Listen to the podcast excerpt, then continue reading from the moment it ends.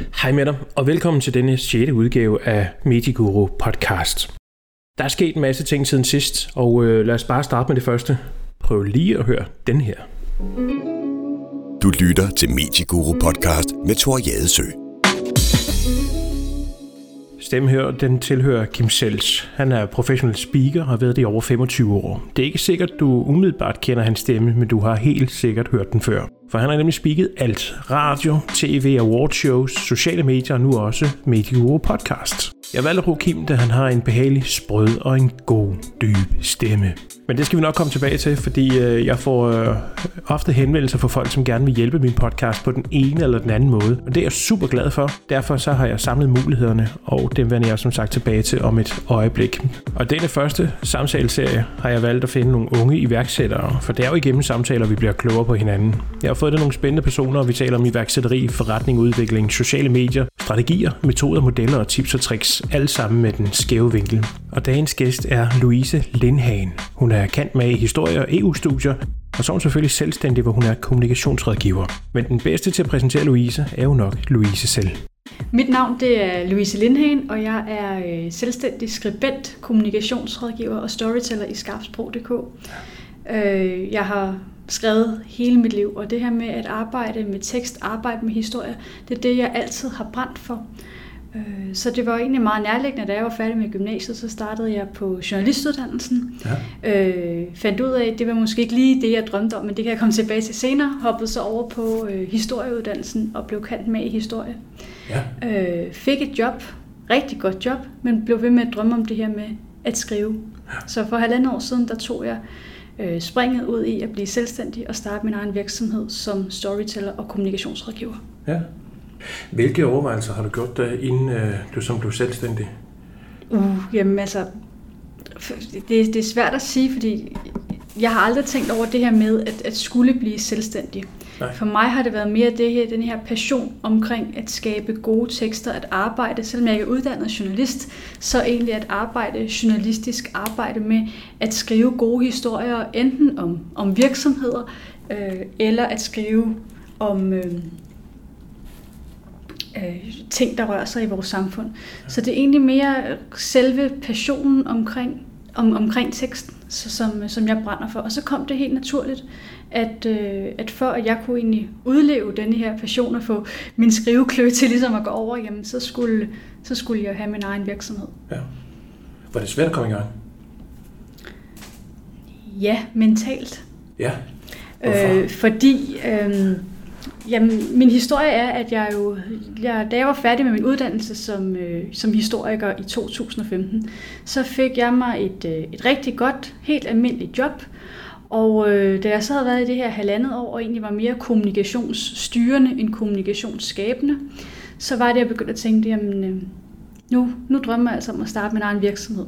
Og jeg spørger jo selvfølgelig mine, mine nærmeste rådgivere til råds, og det er øh, min, mine forældre. Ja. Og min far, han er vokset op med min far, der også var selvstændig. Ja. Øh, og det var han, min far har jo så set, at enten så var der rigtig mange penge, eller også så var der slet ingen penge. Og det kunne gå op og ned og op og ned. Ja. Og min far, han er sådan selv en type, hvor at han går helst både med, med livrem og seler og spænder sikkerhedsselen en ekstra gang. Ja. Så hver gang jeg sagde, jamen, øh, jeg, øh, og så er han jo også pensionsrådgiver. Ja. Øhm, Så hver gang jeg sagde sådan et eller andet med, at øh, nu vil jeg også starte min egen virksomhed, så sagde min far, Louise, hvordan har du tænkt dig at spare op til din pension? Ja. Og det blev sådan ligesom en, en mental barriere, fordi jeg kunne ikke svare min far på, hvordan jeg ville spare op til min pension. Jeg kunne ikke svare ham på, hvordan jeg endda ville kunne betale min husleje. Nej. Øh, Så det var egentlig den der, den økonomiske, hvordan skal jeg kunne få råd til, til mine udgifter. Ja. Så kom der et, øh, et naturligt vendepunkt i, i mit liv, hvor jeg sagde, det er nu eller aldrig. Øh, og min far han sagde, okay, så må du gøre det, hvis det virkelig er det, du brænder for. Øh, så det var egentlig den der sikkerhedssele, den medfødte sikkerhedssele, som jeg er opvokset med, Ja. øh, og som egentlig hele tiden har ligget gennem min opdragelse, at man kommer ud, man får så et fast job, man får en månedlig løn, man er sikret, man ved, at, ligesom at, at, at, at tage det spring, Ja. som, som var det, det svære for mig. Øhm, Jeg fandt så også ud af hen ad vejen, at denne her sikkerheds, eller det her sikkerhedsparadigme, som jeg altid har været pakket ind i, det måske egentlig har været en, en hemsko for mig som menneske. Ja. Øh, så et er, at jeg har startet en, en virksomhed, hvor jeg i dag både kan betale min husleje og spare op til pension. Ja. Men også det her med, at jeg er på halvandet år. Der er gået halvandet år, siden jeg startede. Det halvandet år, hvor meget jeg er vokset som menneske. Øh, simpelthen fordi jeg også er brudt ud af, af en eller anden sikkerhedsspændetrøje. Det, øh, det kan jeg selv se, se tilbage på i dag og tænke, hold op, hvor er det egentlig utroligt. Var det den eneste bekymring, du sådan havde, inden du sprang ud? Fordi at når jeg taler med andre øh, mm. som øh, unge iværksættere, så bliver de sådan lidt øh, stoppet af deres egen tanker om, at der er rigtig mange ting, de skal have styr på. Nej, altså... Eller er Jeg, jeg er en tekstpige, det er der ingen, Ja. ja. det er der ingen tvivl om. Øh, Og det der med tal, det har... Jeg kan godt finde ud af at lægge to og to sammen, men det er aldrig noget, der sådan rigtig har, har tændt mig på nogen som helst måde. Nej. Øhm, men jeg vidste også, at jeg, jeg kunne søge hjælp øh, forskellige steder. Og jeg vidste, at jeg skal have mig en, en revisor, der kigger på mine tal, fordi ellers så kører jeg, kører jeg sur i det eksempelvis. Mm. Øhm, og så var det learning by doing. Ja. Jeg, jeg var, var så heldig, at øh, den første dag, jeg skriver ud i mit netværk, nu går jeg selvstændig, så, øh, så fik jeg mine to første kunder, der sådan skrev, "Ah, men øh, vi mangler lige øh, hjælp til, til den tekstopgave, kunne du ikke lige... Øh? Så det var super fedt, men jeg stod også der med, jeg anede ikke noget som helst om, hvad tager man i timepris eksempelvis. Jeg Ja. havde ikke nogen forretningsplan, jeg havde... Jeg stod kun med et CVR-nummer, så at sige. Ja. Øh, Så jeg lavede jo de klassiske begynderfejl på, på det tidspunkt. Øhm, men det var learning by doing. Og selvom at jeg eksempelvis gik ud og, og underbød mig selv, øhm, så var det også at, at lære på, på den hårde måde. Mm. Øhm, og jeg, jeg fik nogle opgaver, jeg var i gang. Jeg fik noget, hvor jeg ligesom kunne, kunne referere til, og så blive klar over, jamen det nytter altså ikke noget, at, at man går ud og driver forretning på den måde, fordi så klarer man sig ikke i konkurrencen. Mm. Øhm, Hvordan har du så prissat dig selv? Fordi det har jeg haft rigtig, rigtig svært ved. Uh, jamen, altså, jeg kigger meget på, hvad er det for en, en værdi, som jeg skaber for virksomheden. Ja. Øh, og så vurderer jeg derudfra, øh, hvordan og hvorledes i forhold til, hvad det er for en opgavetype. Så kører jeg med en, øh, med en timepris, som, øh, som ligger øh, overenskomstmæssigt fastsat af øh, Danmarks Journalistforbund, Okay. øh, som, øh, som ligesom er, er, er min timepris. Ja. Øh, og så selvfølgelig, hvis det er, er nogle større opgaver eller på en fast kontrakt øh, med nogle gode vilkår, så kan, kan jeg gå ned for den her timepris. Men det er, jeg synes virkelig, det var svært. Øh, Ja. Også fordi jeg kom fra et, et lønmodtagerjob øh, i det offentlige, Ja. hvor at de er jo i forvejen ikke kendt for, for de største lønninger. Og hvis man så regner sin timepris lige over, og ikke lige tænker på den der pension, som far ellers havde sagt, man skulle huske at tænke på. Ja. Man tænker ikke over, jamen du står selv for, for alt det tekniske, du står selv for øh, at skulle betale din ferie, du står selv for at skulle betale dit, øh, dine sygedage osv. Ja. Det skal man huske at regne ind, og det tror jeg, det er det allervigtigste, at man, at man husker på, når man, at man går selvstændig. At man kan ikke bare sige, jamen, øh, at en timepris i sit faste job er lige med timeprisen, som man går og tager som selvstændig. Man skal huske at gange med mindst 1,2, nok 1,4, 1,5 stykker. Ja. Øhm, fordi ellers så, så underbyder man sig selv. Men altså, det var også det, der, der, var, der var min fejl til at starte med, at jeg bare sagde en til en, ikke? Ja. Og så blev der ikke øh, råd til hverken pension, ferie, sygedag eller noget som helst andet. Nej. Så det er en af de ting, fordi jeg plejer normalt også at spørge mine gæster om, at hvis øh, de skulle starte en virksomhed i dag med den viden, de har i dag, hvad. Ja. vil de så gå tilbage og sige til, til deres tidligere jeg på den første dag, de startede? Lad være at bekymre dig.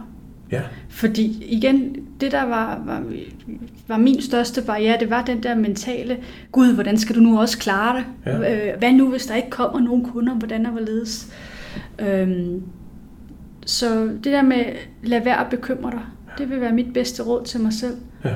Øhm, Og du havde ikke noget sikkerhedsnet. Det var at skifte Jamen, fra det ene til det andet. Det var et skift fra det, hele, fra det ene til det andet. Og, øh, altså jeg, jeg er og var medlem af, af en A-kasse, men Ja. ja. jeg har ikke brugt den, fordi jeg vidste, at jeg drømte så meget om at, at kunne leve af at, at, at skrive på fuld tid. Ja. Så, øh, så hvis det ikke lykkedes, så, øh, så måtte jeg jo gå tilbage og finde mig, undskyld mig, et rigtigt job. Det er jo selvfølgelig også et rigtigt job. Et, et lønmodtagerjob. Jo. Øhm, jeg vidste, at jeg, jeg, kunne, jeg kunne klare mig et, et stykke tid, og, og så ville, håbede jeg selvfølgelig, at det kom under vejen. Jeg havde givet mig selv et år til sådan at finde ud af, jamen, kan jeg egentlig lide også at være selvstændig? For et er, at man går og drømmer om at blive selvstændig. Noget andet er, kan jeg egentlig lide det? Kan jeg lide den der usikkerhed under fødderne? Kan jeg lide den der vaklen? Kan jeg lide at gå ud og sælge mig selv? Og hver gang, at man er ude og i en eller anden social begivenhed, jamen så er man jo lige så meget ude, ude som, som sit virksomhedsjeg, som sit privat jeg. Ja. Øh, kan, jeg egentlig, kan jeg lide den fornemmelse? Øh, så jeg vidste, at øh, økonomisk skulle jeg klare mig et stykke tid, og så havde jeg selv givet mig øh, et år til at finde ud af, er det det rigtige for mig? Ja. Øh, og i løbet af, af jamen jeg havde jo gang i butikken til at starte med, og jeg, kunne, jeg fik det til at løbe rundt efter nogle måneder, og pensionen kom, kom, kom med efter et, et halvt års tid, så blev far glad. Ja. Øhm, og allerede der, der vidste jeg, jamen, det er, det er det rigtige for mig. Ja. Og dermed så ikke sagt, at jeg aldrig nogensinde finder mig et, et, et rigtigt lønmodtagerjob igen. Men øh, jeg ved, hvad det er, at jeg brænder for, og hvad det er for nogle... Jeg er blevet, også blevet klogere på, hvad er det for noget, nogle områder, jeg brænder for, og hvordan at en, en hverdag arbejdsmæssigt skal strikkes sammen for mig, for at, øh, for at jeg er i mit S. Ja. Igen det her med, at det lige så meget har været en personlig udviklingsrejse, som egentlig at udvikle sin, øh, øh, sin virksomhed.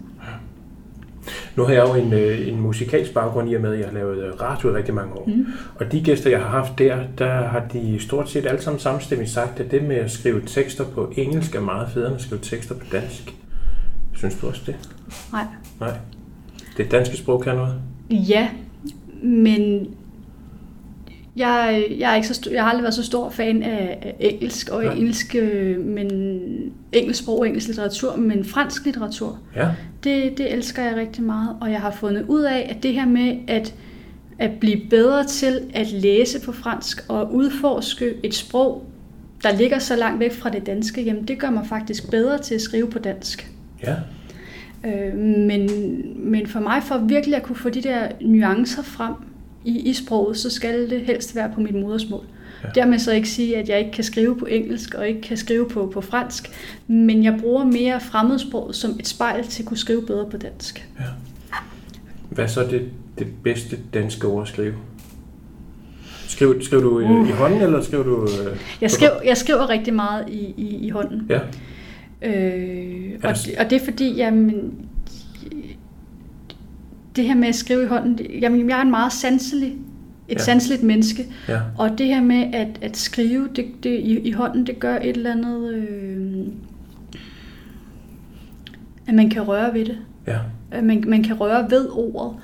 Øh, så normalt, når jeg starter med en tekst, øh, så øh, starter jeg med at lave sådan et meget øh, stort mindmap, et eller andet, hvor der både er øh, tegninger og øh, forskellige metaforer og udtryk, som jeg gerne vil have ind i en tekst. Ja. Så sådan skabe sig et, et, et univers, øh, som denne her historie, som man så gerne vil formidle, den er, den er bygget ind i. Ja. Øh, på fransk hedder det en leksikalsk mark i øvrigt. Ja. Men det her med simpelthen at skabe sit, sit sproglige univers og tegne det, inden man så går i gang med at sige, jamen så i det her afsnit skal der være det, og i det her afsnit skal der være det, og i det her afsnit skal der være det. Det er sådan det, det første, jeg gør. Om jeg så har et, øh, et yndlingsord at skrive, det, ved- det ved jeg ikke rigtigt, det tror jeg ikke. Men, øh, Men jeg tænkte på, om der Ja. var et, der så, så pænt ud, som jeg tænkte, det her det, det, det er flot i kombinationen af bogstaverne. Det er måske mit, mit grafiske jeg, der, der går ind og tænker sådan. Ja, jeg har det mere sådan med, at, at ordene skal, skal passe sammen. Ja, Så jeg elsker bogstavrim eksempelvis, og jeg kan godt bruge rigtig lang tid, hvis jeg, skal, hvis jeg har skrevet en sætning. Jamen, hvis denne her virkelig skal sådan rigtig retorisk, eller jeg, jeg skriver også taler eksempelvis, eller laver ansøgninger. ja, Øh, hvis der så er en, en sætning, som jeg, jeg gerne vil virkelig understrege, så kan jeg gå ind og lege med ordene og, og finde synonymordbøger og den slags ting frem, for at, at finde ord, hvor at, at det lyder godt i kombinationen med hinanden ja. Øhm, Så det her med at, at lege med, med sproglige billeder og lege med især bogstavrim, øh, sætningsopbygning. Jeg kan godt lide også, det, det er især når jeg skriver øh, personlige blogs, enten for mig selv eller for andre, jamen øh, så går jeg ind og leger med, oh, eller med sætningernes længde. Fordi skal det være en, en kort sætning, den kan godt virke meget sådan bombastisk og god til at understrege nogle ting, ja. hvor en lang sætning, den kan være mere beskrivende øh, og få flere elementer ind over. Ja. Øhm, så sådan noget med, med sætningsopbygning, det er ordspil. Ja. ja. Det bliver nærmest musikalsk, når du sådan på den måde får, får, får malet de billeder. Mm. Nu læste jeg jo øh, det, du har skrevet om, øh, om dit øh, barndomshjem, at du ja. var forbi og kigge på det igen. Mm. Jeg kunne tydeligt se alle billederne for mig, men de ja. billeder, jeg så, det var, det var mit eget barndomshjem. Ja. Hvor også jeg tænkte, det, det, det passer jo. Altså, det, det var næsten som om, jeg stod der ja. og kiggede på mit eget barndomshjem. Det, det, det kunne altså ikke andet. Tak. Du kan høre mere til Louises egen fortælling om det at komme tilbage til sit barndomshjem, og der så er nogle andre, der bor i det om et kort øjeblik. Først tilbage til, at jeg ofte modtager henvendelser fra folk, som gerne vil hjælpe min podcast på den ene eller den anden måde, og det er jeg super glad for. Derfor så har jeg ligesom samlet mulighederne for dig her. Der er flere måder, du kan gøre det på. Hvis vi tager det gratis først, så kan du jo følge Mediguru podcast på Spotify på iTunes. Og husk, de kommer først ud på mediguru.com. Du kan rate udsendelserne på iTunes, du kan fortælle andre medieguru podcaster, så kan du også komme med forslag til gæster til podcasten. Du er også meget velkommen til at komme med kommentarer, der hvor podcasten nu bliver lagt op og komme med spørgsmål. Vil du være med til at sikre, at jeg kan fortsætte med podcasten, så kan du også støtte mig økonomisk, og det kan du enten gøre via at donere til MobilePay til nummer 90096. Eller du kan også støtte via tier.dk. Det er simpelt. Du bestemmer selv, hvor meget du vil donere per afsnit af Medieguru podcast, og du kan til hver en tid stoppe med dine donationer. Du kan se mere om det, hvis du klikker ind på medieguru.tier.dk. Du har også mulighed for at blive sponsor af Medieguru Podcasts. Det hele kan du læse meget mere om, hvis du klikker dig ind forbi medieguru.com-sponsor. Og så tilbage igen til dagens gæst, Louise Lindhagen. Vi skal tilbage til Louises barndomshjem. Den, den oplevelse, som du, du refererer til, hvor jeg var øh, efter fire år, jeg havde ikke været hjemme. Jeg, min historie er også, at da jeg fik mit job øh, tilbage i 2015, så flyttede jeg fra Niveau, som ja. ligger oppe i Helsingør, og flyttede øh, til Nykøbing Falster, hvor jeg bor i dag. Ja. Jeg har i de sidste fire år, har jeg så ikke været i Niveau, fordi hver gang jeg har været hjemme og besøgt venner, min familie flyttede så samtidig, skal lige siges, ja. øhm, så hver gang jeg har været hjemme og besøgt venner, eller været i Københavnsområdet, så undgået at komme tilbage. Men så var jeg i Niveau for et stykke, her for en, en måneds tid siden, og det her med at komme hjem og se sit barndomshjem, som ikke længere var, var et hjem for mig, men, men bare et hus. Ja. Og altså, der, der var sådan en, en, en skråning op, og at stå nede på vejen og kigge op på, den, på det her hus, der sådan tronede på den her skråning, hvor at, øh, der var fjernet noget hæk, og så stod der et nyt gyngestativ, som jo var helt anderledes end det, jeg havde tilbage i, i 90'erne. Ja, ja. Mm, det, det, var, det var så mærkeligt. Og det der med, jamen øh, Gud, vinduet står åbent ind til dit værelse. Louise, det er jo ikke dit værelse længere. Ja. Øh, det, det rørte noget ved mig. Ja. At, at se, hvor, hvor meget tingene lignede sig selv. At se, hvad det var for en cyklus, som huset jo går igennem. Fordi i dag, der er det jo hjem for en, for en ny børnefamilie, som har, har gyngestativ i haven og er ved at opbygge deres, ligesom mine forældre tilbage for 25-30 år siden der, ikke? Ja. Øh, at se den, den cyklus, og at det er blevet et hjem for nogle nye, men i dag bare er et hus for mig, det var meget rørende, og så har jeg det jo sådan, mærkeligt som jeg jo er, at da jeg så øh, kom hjem, så, så kunne jeg ikke sove, fordi denne her oplevelse, den, den, øh, den måtte jeg bare bearbejde på en eller anden måde. Ja. Og mange af de personlige blogs, jeg skriver, det er, er noget, hvor at, at det er lige så meget noget, jeg bearbejder. Nogle tanker, jeg bearbejder. Øh, omkring, hvad det er, jeg har oplevet. Ja. Som, at, som at det egentlig er en, en tekst med et budskab. Ja. Fordi i, i de oplevelser, de personlige oplevelser, som jeg har, ligger der lige så meget, at, at der er et budskab, som jeg gerne vil fortælle andre. Ja. Øhm. Og nu har du også øh, hvad hedder det, interesse i det franske. Mm. Det synes jeg jo er et, et helt fantastisk sprog, som ja. har et lydmæssigt kan mm. meget mere, uden at jeg overhovedet kan ja, ja. et ord på fransk. Ikke? Mm. Men er der så er der ting, der lyder bedre på fransk, end det gør på dansk? kærlighedserklæringer. Ja. Det lyder bare bedre at sige je t'aime, end, jeg elsker dig. Ja. Men øh, nej, altså bare generelt, øh, der ligger en, en melodi i det franske sprog, som, som der ikke er på dansk, fordi vi i dansk har meget de her stød Ja. øh, i sproget. Også når jeg taler fransk, det, det kommer per automatik, at jeg kommer til at lave de danske stød, øh, fordi det jo ligger så meget i, i ens måde at tale på. Ja. Øhm, men generelt det her med, hvor... Jeg vil sige, fransk er måske et mere kunstnerisk sprog. Ja. Det, det, det, altså bare det, du taler, det, det, det lyder i mine ører som værende kunst. Og det er måske også derfor, at jeg så lader mig inspirere øh, for at det her, for at putte kunsten ind i det her meget hårde danske sprog. Ja. Øhm, og så kombinere det som det kunstneriske med det her øh, hårde, de her stød, hvor jeg også var inde på før, jeg kan rigtig godt lide at lave de her meget øh, korte, brætte sætninger Ja. for at understrege ting, øh, når jeg skriver på dansk. Jamen simpelthen at få det kombineret ind i, i en eller anden flydende prosa, øh, inspireret af, af det franske. Det er måske i virkeligheden det. Så, så det, Har du så et yndlingsord på dansk at, at sige? Det er et svært spørgsmål. Så er det, så er det mere sådan nogle, nogle sjove ting, øh, Ja. at, man, at man siger sådan noget... Øh, Eller jeg, jeg, jamen, jeg, jeg synes nogle gange, der går inflation i ordene på dansk. Ja. Alt er enten fantastisk, eller også er det en katastrofe. Ja. Og så er jeg begyndt at, til at starte med, så begyndte jeg at grædebøje fantastisk, for det kan man jo ikke. Fantastisk er jo i forvejen det, det, det mest, det, det ypperste, man kan nå. Ja. Så det blev fantastisk, fantastiskere Ja. og mm, mest fantastisk. Og, og det, det giver jo ingen mening. Nej. Men da der også begyndt at gå, så, så når folk sagde, at det er jo fantastisk, så spurgte jeg, i hvilken grad mener du det? Så kiggede folk mærkeligt på mig. Ja. Øh, hvad mener du? Øhm, nå, men øh, fantastisk, det er jo sådan et inflationsord. Så, så kan du ikke prøve at nuancere det? Ja. Og da folk så begyndte sådan at forstå, hvad det var, jeg mente med det, så gik jeg over og begyndte at tale om, at ting kunne være kanonfantastiske. Simpelthen for ligesom at, at, at trumfe over igen. Ikke? Ja. Så i øjeblikket, der privat går jeg meget og bruger det her, men det er jo også kanonfantastisk, når Ja. der er noget, der er virkelig godt. Ja. Men det er, det er aldrig noget, jeg kunne finde på at bruge i en, i en tekst. Det er en mere øh, privat, at, øh, ja. at, jeg, at, jeg leger lidt med... Er der så nogle ord, vi, vi bruger for sjældent? Er der nogle ord, som vi har øh, mistet fra vores sprog? Eller nogle sætninger, nogle fraser, eller sådan et eller andet, vi ikke rigtig bruger mere? Min farmor, hun øh, var 70 år ældre end mig, og vi, vi, vi kunne godt tale sammen, men der var mange ting, hvor vi, hvor vi slet ikke sådan forstod hinanden. Ja.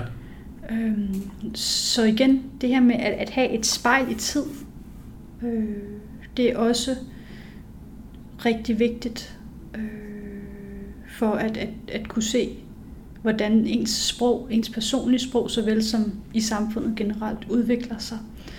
Øhm, og der kan jeg da godt nogle gange være lidt ked af den måde, som vi øh, hvad hedder det, gør- vores sprog mere engelsk for engelsk, for, eng, for Ja. engelskere, skulle jeg til at kalde det. Ikke? Ja. Altså, vi, vi bliver mere og mere øh, anglofone i vores sprog, eller i, i den måde, vi taler dansk på. Øh, altså, ting er cool, ting er nice, Ja. i stedet for at sige, jamen, øh, ting er godt, eller ting er kanon fantastisk, eller hvad det kan være. Ikke?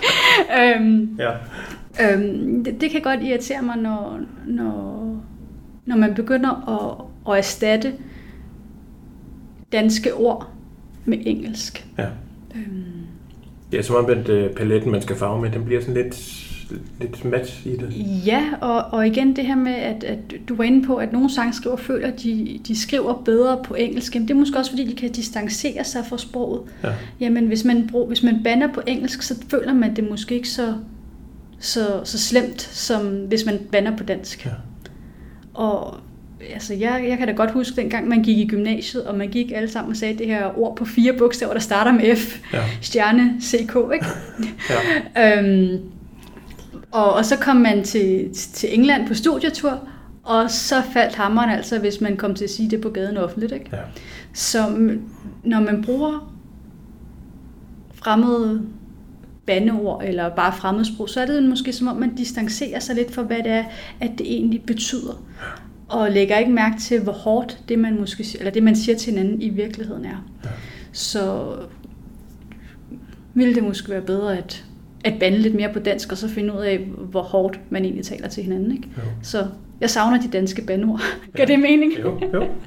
jo. Det var, det var en lang, øh, Jo, jo. ja, lang tangent, der kom ud af. Jeg hørte den, øh, jeg, jeg tror han er engelsk komiker, øh, hvad hedder det, øh, Molden, som fortæller om det her med at, at, være i Danmark med, med bandeord.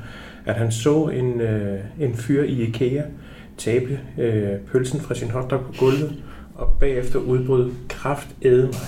Ja. Hvor så han siger, at det betyder cancer eat me. Ja. Som også han siger, det er jo fuldstændig vanvittigt, at Ja. man vil ønske det, bare fordi man taber en Ja. pølse fra IKEA, som koster en krone. Altså, jeg har en i min omgangskreds, som hele tiden banner, og det bliver værre og værre, synes jeg. Ja, Og, når, når, når, og det er hver gang, altså, øh, og nu citerer jeg, hvis der kommer en gående, oh, men hvem fanden er det? Agtigt, ikke? Ja. Hvor jeg så begyndte at, igen, apropos det her med, at, at lige skulle trumfe, hvor jeg så svarer igen, det ved jeg kraftede mig ikke. For, for, for, for, for ligesom at, at vise, hvorfor er det nødvendigt at Ja. sige, hvem fanden er det? Sådan lidt, lidt en, en modprovokation. ja, Øh, fordi vores sprog, det er blevet hårdere, og vi tænker ikke så meget over, hvor, hvorfor er det, vi lige skal sige kraftedme, når vi taber øh, pølsen i, i vores hotdog. Ja. Selvom det er drønirriterende. ja. Øh, jeg skrev på et tidspunkt en, øh, en kommentar til Jyllandsposten. Det var tilbage i 2012, hvor der lige var kommet en, øh, en ny retskrivnings... Øh, eller der var lige kommet nye, hvad hedder det, danske, danske i, i gåseøjne Ja. ord ind i retskrivningsordbogen. Øh, så lige pludselig så må man godt sige, at øh, titlen på min artikel var kort og godt, det er fucking nederen. ja. Forstået på den måde, at jamen, det viser altså, hvordan vores, vores sprog er blevet hårdere, når man lige pludselig må sige fuck og, og den slags ting. Ja. Den, den, er, den er ret. For, for at bruge en nudansk ordbog, eller for at bruge et nudansk ord, den var ret grineren, Ja. den artikel, fordi jeg kunne gå ind og flette alle, alle de, de nye ord ind, og så vise, hvordan at, at sproget egentlig var havde gjort os hårdere, og vi var nogen, der øh, kun gik op i wellness-ferier, og hvis ikke vi selv var øh, metroseksuelle, det var det ord, jeg ledte efter. Ja. Hvis ikke vi selv var metroseksuelle, eller mændene ikke selv var det, Ja. så var det fordi, de talte om nogen, der var det, fordi øh, ordene i ordbogen, de afspejler jo, hvordan at det bliver brugt i sproget generelt. Så man taler altså meget om nogen, der var i 2012 metroseksuelle, så det kunne komme ind i ordbogen, ikke? Ja. Øhm, så ja. Det virker på mig som om, du har sådan lidt anstrengt forhold til bandeord. Er det rigtigt? ja, ja. Ja. Jeg, jeg synes bare, at vi burde tale pænt og ordentligt til hinanden. Ja. Fordi i det øjeblik, at, at man bruger et, et bandeord, så viser man jo i bund og grund, at man ikke respekterer det menneske, man kommunikerer med. Okay. I, i min verden Ja, i hvert fald.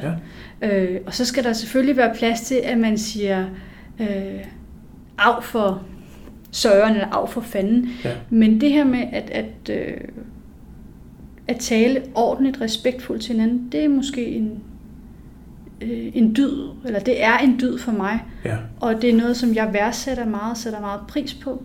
Så når sproget afspejler, at, øh, at man ikke gør det, så, øh, så slår jeg hårdt ned. Ja. På samme måde som når der går inflation i ordene. Ja. Fordi det her med at, at være respektfuld over for hinanden, det at se hinanden i, i øjnene, som vi gør lige nu, se hinanden som to ligeværdige, Ja. det, det er nok det vigtigste for mig. At se det andet menneske. Mærke det andet menneske. Ja. Øh, det er det vigtigste for mig som menneske. ja. Øhm, Hvor finder du øh, inspiration, når du skriver dine ting? øh, naturen Ja. og i byen. Ja. Igen det her med at sanse rigtig meget, som er vigtigt for mig. Øh, jeg, jeg har en lille hund, og vi Ja. kan godt lide at gå nogle gode lange ture. Og selvom at jeg måske er ude at gå i halvanden, to timer, så er det i virkeligheden der, jeg måske arbejder allerbedst, fordi jeg lader bare indtrykkene komme til mig. Mærker den der øh, dejlige luft her ved, ved Guldborgsund, eller ved stranden i Marieløst, eller hvor det kan være, jeg er ude at gå. Mm. Øhm, ser nogle sammenhænge, lad, lad mig lige stoppe op, komme væk fra, fra computerskærmen, fra det kunstige lys, øhm, og lad mig bare være i stilheden i området, i vinden, der blæser, hvad det kan være. Fordi nu sagde jeg godt nok ordet stillhed, men der er jo meget sjældent stille, når man er i naturen. Ja. Øhm, så egentlig bare lade sig guide af, af lyde, det, øhm, Det inspirerer mig rigtig meget. Og så nævnte jeg også byen som en anden inspirationskilde. Ja. Nogle gange så tager jeg, øh, mine forældre har i dag en lejlighed i København, og jeg har godt finde på at tage ind, være nogle dage, og så gå nogle steder, øh, bare observere og se de spændinger, som jeg også kan mærke, der er i en by. Ja. Og gå rundt, observere, sidde på en bænk, se hvad det er, der, der, der sker omkring en. Det giver mig sådan et, et sanse øh, eksplosion, så at sige. Ikke? Ja. Og så kan jeg øh, være hyperaktiv, hyperkreativ. Øhm, og så bare have brug for at trække mig tilbage, komme kom hjem igen til, til, til det stille, rolige London Lolland Falster. Men det her med at få den der sanse eksplosion, hvor man bare bliver bombarderet med indtryk, det, det er lige så vigtigt, eller lige så stor en inspirationskilde, som det her med at, at være, hvor det er mere naturlige indtryk, der er der. Og så igen at, at læse andre. Øh, jeg bruger rigtig meget tid på at læse i, jeg ved så ikke, om man skal kalde det i sin fritid, men det her med at, at finde inspirationen fra andre dygtige øh, forfattere og andre dygtige skribenter, øh, det er også rigtig vigtigt for mig. Ja. Og se, hvordan de leger med ordene her. Nemlig. Ja. Jeg har skrevet nogle, øh, nogle, nogle lidt mærkelige spørgsmål ned. Nu, Ja. nu, nu tager jeg dem alligevel, Ja. for at se om... Øh, Du kan vel bare klippe det fra, hvis det er, at... Øh, Ja, jeg har skrevet, fordi du har også beskæftiget dig med, med politik og med Mm, EU. ja. Øh, så har jeg lidt bekendt skrevet, hvad kan vi bruge EU til? Øhm, jeg ved ikke, om jeg skal starte med at give en introduktion til øh, mit, mit. EU-engagement. Ja, Fordi øhm, det går tilbage til, til 1997, hvor der var afstemning om øh, Amsterdam-traktaten. ja, Hvor øh, min morfar havde fødselsdag lige op til denne her afstemning. Og øh, min morfar og min mormor og min mor, vi sad og, og eller, eller min mormor og morfar og mor, de sad sådan og, og jublede og var glade over, at nu skulle den her EU-afstemning, den skulle bare øh, holdes, og der var flag på bordet, det var selvfølgelig EU-flag, og min far og min farmor, de sad og var sådan lidt, lidt halvsure, nej, der skulle i hvert fald ikke, ikke afgives noget suverænitet. Så Nej. den der øh, kløft mellem ja og nej, sådan, den var jeg ligesom sådan født ind i. ja, Øh, og jeg var selvfølgelig mest det her med, men, øh, også fordi jeg måske altid identificeret mig rigtig meget med min mors side af familien, så det her med at kunne øh, ligesom at være en del af det her glade EU-budskab, ja. det var, det var noget af det, der, der allerede fra jeg var helt lille tiltalte mig rigtig meget. Og øh, da jeg så startede på, øh, på universitetet, så havde jeg en drøm om, at jeg skulle være Ulla Terkelsen. Jeg skulle ned og dække, øh, jeg skulle være journalist, og så skulle Ja. jeg ned og dække EU især. Og, og bo i Bruxelles og, og, og Chuhai. Øhm, og så er det den historie, som jeg startede lidt med at sige, hvorfor var det, jeg, jeg sprang væk fra journalistuddannelsen. Det var fordi, der var på, på første undervisningsgang, så var der en lektor, som sagde, at når vi var færdige med vores uddannelse, så ville der ikke være nogen form for traditionel journalistik. Man skulle kopiere hinandens tekster, og man skulle hele tiden sådan skynde sig i den her nyhedsrytme, hvor det hele tiden var breaking news. Så vi skulle ikke regne med, at vi fik lov at skrive vores egne tekster, og vi skulle ikke regne med, at, øh, at vi fik lov at arbejde kritisk, eller, eller overhovedet kunne få en løn. Og så tænkte jeg, at læse seks år på universitetet for ikke at kunne få, komme ud og få et job, pyha. Det, Ja. ja. det, det kunne jeg ikke lige som 18-årig holde til. Nej, Så den fremtidsudsigt synes jeg ikke lige var, var så appellerende. nej. Øhm, og så var jeg på, på udveksling i Frankrig, apropos fransk og fransk sprog, Ja, øhm, hvor jeg læste historie. Og øh, det synes jeg var, var så super interessant, så da jeg kom hjem, så valgte jeg om på mine fag. Det kunne man inden for sådan en to-periodes grænse på Roskilde Universitet. ja, Øh, og, kom, og læste så historie og EU-studier. Så jeg blev i den der EU-drøm. Og da jeg så havde været i, øh, var færdig med min bacheloruddannelse, så var jeg et halvt år i praktik i Bruxelles hos øh, den konservative Ben Benson, der sad dernede på det tidspunkt. Han er jo lige stoppet her ved valget. Ja. Øhm, og indtil da, der havde jeg været en, en jubel-europæer, fordi alt, der kom fra EU, det var jo fantastisk, kanon fantastisk, ikke? ja. det, det, det var øh, godt, og det var det rigtige, og vi skulle bare klø på, og det, det, det hele var, gik bare op i, at, at EU var, var en god institution. Ja. Øhm, men det der med lige pludselig at se EU indefra, øhm, og igen at blive lidt mere moden, også af at se systemet indefra og komme til at arbejde med, hvad er det for nogle lovgivningsprocedurer. Øhm, det var, det var en øjenåbner for mig. Mm. Øhm, så jeg gik fra at være ekstremt jubel EU-positiv, til lige pludselig at være lidt mere moderat og sige, jamen, hvad er det egentlig, der er, der er det rigtige? Hvad er det egentlig? Og, og sådan generelt at sætte spørgsmålstegn ved de uretfærdigheder, som der blev skabt i det politiske system. Ikke kun i EU, men også øh, i Danmark eller på, på lokalt niveau. Sådan, ja. på, på, sådan, så, på alle niveauer. Ja. Øhm, så hvad er det, EU kan, kan bidrage til? Jamen, ja. jeg tror på, at EU, for at komme tilbage til dit spørgsmål, ja. Ja. som jeg igen har været vidt omkring, øhm, EU kan bidrage til et fællesskab mellem europæerne. Ja. Øh, jeg er ikke i tvivl om, at det er det, der, der skaber den, den fredelige eksis, sameksistens øh, mellem vores folk, og ikke denne her... Øh, øh, jeg skulle til at, at citere her Donald Trump øh, med America First, men den ja. her tanke, som jeg ser, der også er rigtig, rigtig mange steder i Europa øjeblikket med vores land først. Ja.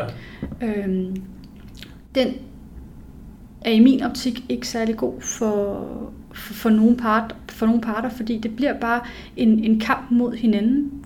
Og det kan godt være, at det til at starte med er en, er en handelskamp, eller at det er en, øh, en, en retorisk kamp. Men hvem siger ikke, at det lige pludselig eskalerer til rent faktisk også at blive en fysisk voldelig, våbenmæssig kamp. Mm. Øh, så den, den fredfyldte fortælling, det er det, der, som jeg mener allermest, øh, eller er, er det allervigtigste ved, ved den fortælling, som EU øh, har skabt i dag.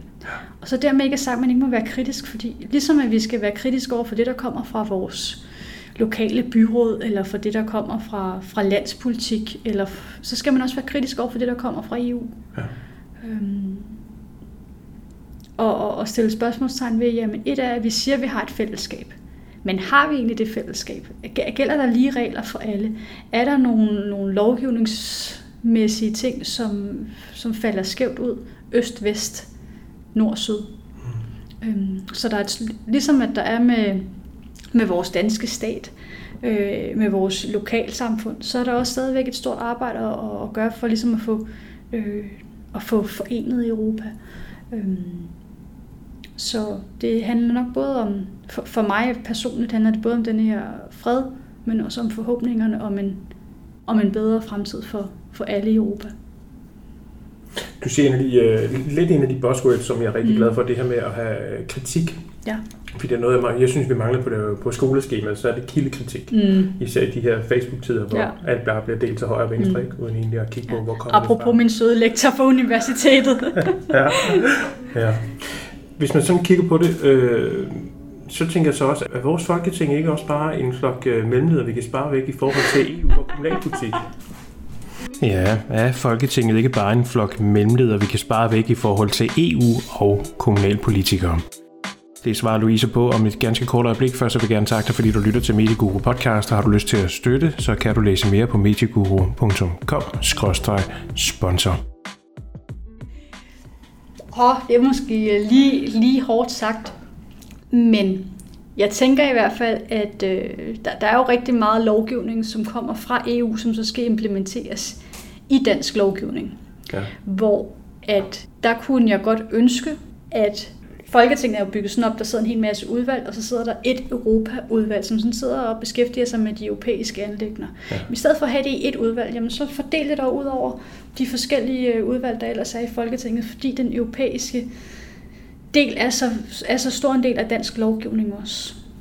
Øhm, og på den måde kunne man, kunne politikerne ikke bare være de her, som du kalder dem, mellemledere, som måske i virkeligheden er et rigtig godt billede, men de kunne egentlig også komme til at få et, en, et say på, nu kommer jeg til at bruge et engelsk ord, men de kunne egentlig også få indflydelse på, hvordan at det er, at EU-politikken bliver implementeret i Danmark. Ja. Øh, det tror jeg, i min optik, der er det det, der, der mangler allermest, at, at danske politikere egentlig går ind og kigger lidt mere direkte på, øh, på, hvad er det EU-lovgivningen betyder for Danmark, og hvordan er det, at vi skal omformulere det til, til, til dansk lovgivning. Mm. Øhm, så kunne der også godt komme et bedre samarbejde mellem parlamentarikere i Europaparlamentet eksempelvis, og i, øh, og i det danske folketing. Så, øh, så man brugte niveauerne bedre. Øh, altså jeg deler, jeg ved ikke om, om det var et provokerende spørgsmål, men det her billede af, af, af mellemledere øh, i, i øjeblikket er der måske mange, det, den situation vi har mellem de politiske lag i øjeblikket er i, i langtidsperspektiv i hvert fald ikke holdbar. Ja. Så har jeg nogle, øh, nogle faste spørgsmål, jeg plejer at stille mine gæster, som lige går det her skik lidt dybere. Det mm. er, er der nogen som helst grund til at stoppe om morgenen? Ja. Det er der.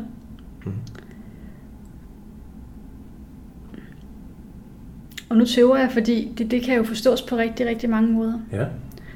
Øhm, og det skal jeg sige, det er jo ikke et spørgsmål, jeg selv har fundet på. Det er jo ikke, jeg har taget fra den øh, afdøde Master Fatman, som jeg jo synes er, er, er en guru, ja. og også med, med den kærlige tilgang til alting. Men hvis jeg tænker i, nu ved jeg ikke, om jeg skal tænke personligt eller i virksomhedsregi, eller, men hvis jeg i hvert fald tænker i, i virksomhedsregi, det her med at kunne se, hvilken forskel man gør for en anden virksomhed. Ja. Det er det, at jeg i hvert fald slår øjnene op og tænker, yes, jeg skal på arbejde i dag, yes, jeg skal skrive tekster for den her virksomhed i dag, eller jeg skal hjælpe dem med at, at kommunikationsrådgive dem for at nå det mål. Øhm, det er arbejdsmæssigt derfor, at, øh, at jeg står op om morgenen og ser, hvad det er for en, en, en forskel, man egentlig kan gøre. Øh, jeg startede med for et års tid siden på at arbejde på et projekt, som var et, øh, et meget simpelt projekt, øh, og jeg blev hyret som, øh, som kommunikationsrådgiver. Og så øh, sagde jeg, men har I tænkt over det, har I tænkt over det, har I tænkt over det? Øh, nej, det havde de faktisk ikke. Og så se, hvad det er for en historie, der lige pludselig er blevet skabt mm. om det her projekt, og den måde, som folk lige pludselig henvender sig til projektet på, for, for at blive en del af det, øh, på grund af den historie. Det er altså noget, hvor at, at det faktisk på, på en stille stund godt kan røre mig lidt. Ja. Øhm, men det er, er min arbejdsmæssige grund til at, at stoppe om morgenen. Min helt personlige sådan Louise grund til at stoppe, det er, er at få lov at, at være sammen med dem, man elsker. Ja. At få lov at sanse sine omgivelser. Øh, om det er naturen, eller om det er byen.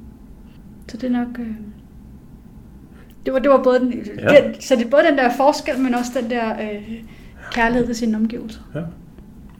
Det næste lidt halvdybe spørgsmål, det er, øh, hvad har gjort dig glad i dag?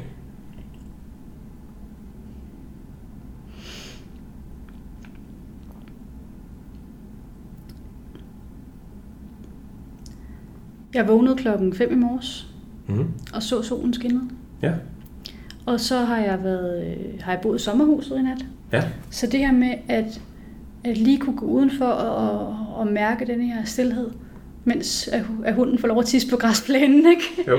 Så det her, den, det, det simple og det banale, flettet sammen med, nu, nu bliver det meget stort med universets øh, øh, skønhed, ja. kogt ned til det her lille, stille morgenøjeblik, ja. øh, hvor haren løber på grusstien, eller Bambi løber på vejen, eller hvad det kan være, ikke? Ja. Øhm, med den der rolige morgen. Der er ikke noget, der er så slemt, som hvis der, der er, er, er stress og ja og, og, og mennesker, der snakker til, til mig om morgenen. Det her med lige at kunne sige, om morgenen, det, det er nok det, der kan gøre mig rigtig glad. Ja. Også det, der er forskellen på en, en god og en dårlig dag. Øh, eller i hvert fald en god start, eller en dårlig start på ja. dagen for mig. Ja. Øhm, og det er nok det, der i dag nu er klokken jo kun øh, 10.49. Det er nok det, der har gjort mig ja. øh, gladest i dag indtil videre. Ja. Og hvis du frit kunne bestemme, ja. hvad vil du så allerhelst lave i morgen? Der er ingen begrænsning.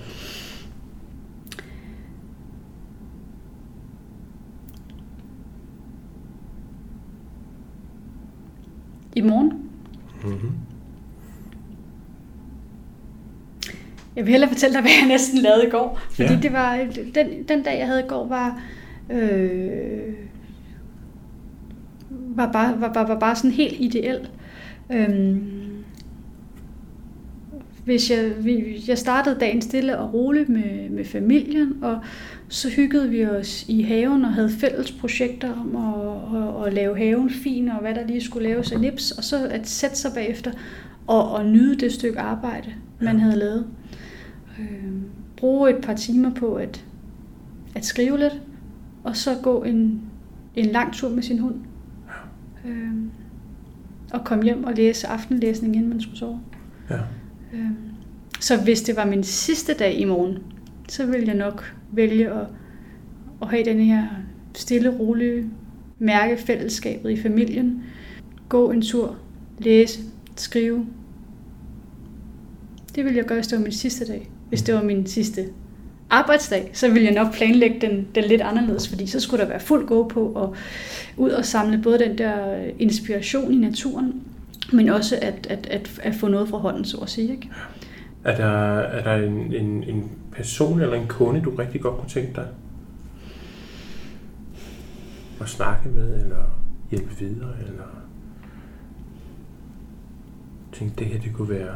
Altså i øjeblikket, der er jeg i, øh, i, i kontakt med et, øh, med et firma, Ja. hvor at jeg håber, at vi, vi får en, en, en aftale. Øh, fordi det er et, øh, et meget hardcore øh, industrifirma, men hvor der ligger så mange gode, hemmelige, så at sige, historier. Eller ikke hemmelige, de er jo, de er jo offentlige nok, men de bliver ikke fortalt. Ja. Så selvom at det øh, fagligt er noget, der egentlig ligger så langt fra, fra mig, og der hvor at, at, at, at, at min faglighed er, det at kunne hjælpe dem til at komme i gang og se den her lidt mere bløde øh, kommunikationsside af deres fag. Øh, det, det vil jeg glæde mig rigtig meget til. Mm. Øh, det er også en virksomhed, som... Øh, det er en lokal virksomhed fra Nykøbing, ja. som så samtidig har nogle, øh, nogle, nogle strategier om gerne at netop vil bruge det lokale netværk mere. Øhm. Og det at kunne hjælpe dem på vej, kvæg jeg også har et stort lokalt netværk, øhm, det ville give rigtig god mening for, for, for mig som menneske. Øhm. Så både at skabe, fortælle deres historie, få dem promoveret, men også at gøre dem stærkere på Lolland Falster. Det vil give rigtig god mening for mig. Mm. Det her det har været, det, det var super inspirerende. Jeg har, der, der er så mange sansindtryk, der, der lige skal bearbejdes efter det her, fordi der, der er blevet skabt rigtig mange billeder. Så øh, sådan her afslutningsvis, Louise, hvis øh, man gerne vil vide mere om dig, hvor mm. Kan man så finde det hen? Jamen, hvis man gerne vil vide mere om min virksomhed, ja. så skal man gå ind på skarptsprog.dk, øh, hvor man kan, kan læse om, hvad det er, jeg laver virksomhedsmæssigt. Øh, man kan også gå ind på min personlige hjemmeside, hvor at jeg lægger mine, øh, ja, alle mine tekster fra, at jeg startede med at få udgivet noget i aviser tilbage i 2009 til, til i dag. De ligger derinde, og efter jeg er blevet lidt mere modig, så ligger mine øh, digte og mine personlige blogs også på, på min hjemmeside. Den hedder louisalindhagen.dk. Og ellers så skal man bare give mig et kald, eller, eller skrive mig en mail. Mm. Mm. Og, og kontaktoplysningerne står også på begge hjemmesider, så det er bare om, at... Øh, Der er rig mulighed. Ja. Øh, Louise, tusind tak for det. Det har virkelig været inspirerende. tak, og i lige måde. Tak fordi du lyttede til Medieguru Podcast. Vil du gerne være sponsor, så bliver du nævnt som den første del af podcasten. Det er der, hvor de fleste lytter er på, og derfor er det den bedste placering for dig. Du kan vælge to muligheder, om det skal være et oplæst sponsorat, eller om det skal være et spot. Et oplæst sponsorat er den billigste måde. Du skriver et udkast til en tekst, jeg læser op, Fordelen er, at du kan komme med en ny tekst til hver episode af Medieguru Podcast. Den er billig, fordi der spares på produktionstiden, men den er dog ikke så ørefaldende, som et spot vil være. Vælger du et spot, så bliver den lavet som en typisk radioreklame med en professionel speaker. Den har en varighed på maks 30 sekunder, og vil du læse mere om det, så kan du klikke dig ind forbi medieguru.com sponsor. Og du får lige gratis tip med på vejen. Vil du have med dit sponsorat, så er det en god idé at tilbyde mine lyttere noget eksklusivt hos dig som en freebie, eller give 15% rabat, hvis de benytter en unik rabatkode. Spottet bliver speaket af en professionel speaker. Min go-to guy er Kim Selch. Han har været professionel speaker i over 25 år, og han er mega dygtig. Vil du være sponsor, så kunne dit spot komme til at lyde sådan her. Medieguru podcast blev sponsoreret af Latif. Danmarks første og eneste træningshus. Et hus, der udelukkende udbyder holdtræning med sjæl. Ja, det er lækkert, ikke? Vil du vide mere, så klik dig ind forbi medieguru.com-sponsor. Tusind tak, fordi du lyttede med, og have en rigtig dejlig dag. Medieguru podcast. Lyt til flere afsnit på medieguru.com, Spotify eller iTunes.